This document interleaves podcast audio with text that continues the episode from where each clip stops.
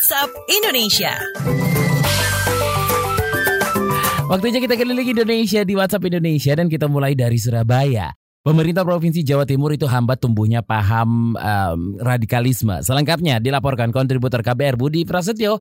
Selamat pagi. Selamat pagi, pemerintah Provinsi Jawa Timur akan menggandeng LSM dan pesantren untuk menangkal paham ekstrim dan mencegah kekerasan horizontal. Wakil Gubernur Jawa Timur, Emil Elistianto Dardak mengatakan langkah itu untuk meminimalkan pertumbuhan gerakan radikal yang mengancam kebebasan masyarakat. Kata dia, konflik horizontal menjadi salah satu penyebab masih buruknya indeks demokrasi di Jawa Timur. Emil Dardak menambahkan pesantren nantinya diharapkan memberikan kurikulum mendasar kepada santri agar tidak terpengaruh gerakan radikal. Menurutnya, instansi pendidikan seperti sekolah dan pesantren harus dibekali ilmu tentang nilai-nilai kemanusiaan. Sebelumnya, capaian indeks demokrasi Jawa Timur tak terlalu menggembirakan karena hanya menempati posisi ke-20. Beberapa poin yang menjadi sorotan adalah soal hambatan kebebasan sipil dan potensi kekerasan di masyarakat. Demikian saya Budi Prasetyo melaporkan untuk KBR. Terima kasih Budi Prasetyo dari Kebumen. Penanganan penanganan jangka panjang krisis air bersih di Kebumen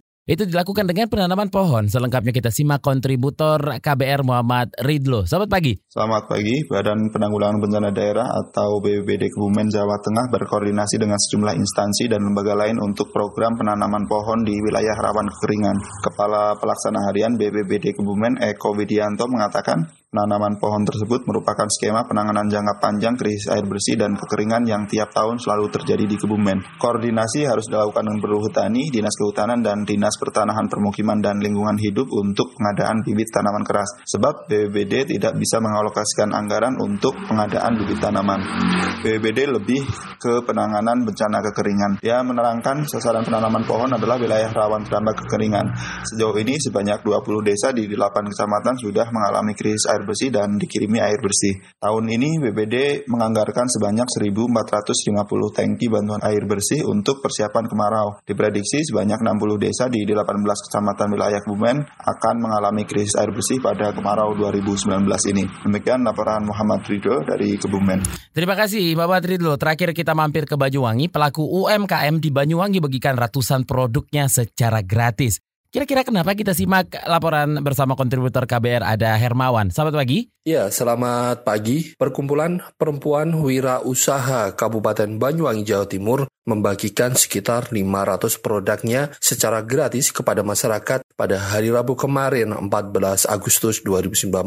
Ketua Perwira Banyuwangi Siti Istiqomah mengatakan pembagian produk UMKM ini bertujuan untuk mengenalkan hasil makanan olahan yang diproduksi para wirausahawan wanita di Banyuwangi. Sehingga masyarakat khususnya di Banyuwangi tertarik untuk berwirausaha dan tidak tergantung dengan lowongan pekerjaan di sektor formal. Kata istiqomah di Banyuwangi sendiri cukup besar peluang untuk merintis UMKM. Hingga tahun 2019 ini saja masih ratusan produk UMKM yang merupakan makanan khas Banyuwangi belum tergarap maksimal. Hal itu disebabkan masyarakat terutama generasi muda masih tidak tertarik dengan dunia usaha. Ketua Perwira Banyuwangi Siti Istiqomah menambahkan sebagian besar perekonomian Indonesia ditopang dari kegiatan wirausaha karena sektor kewirausahaan terbukti mampu mensejahterakan taraf hidup masyarakat. Demikian dari Banyuwangi Hermawan melaporkan untuk KBR. Terima kasih Hermawan.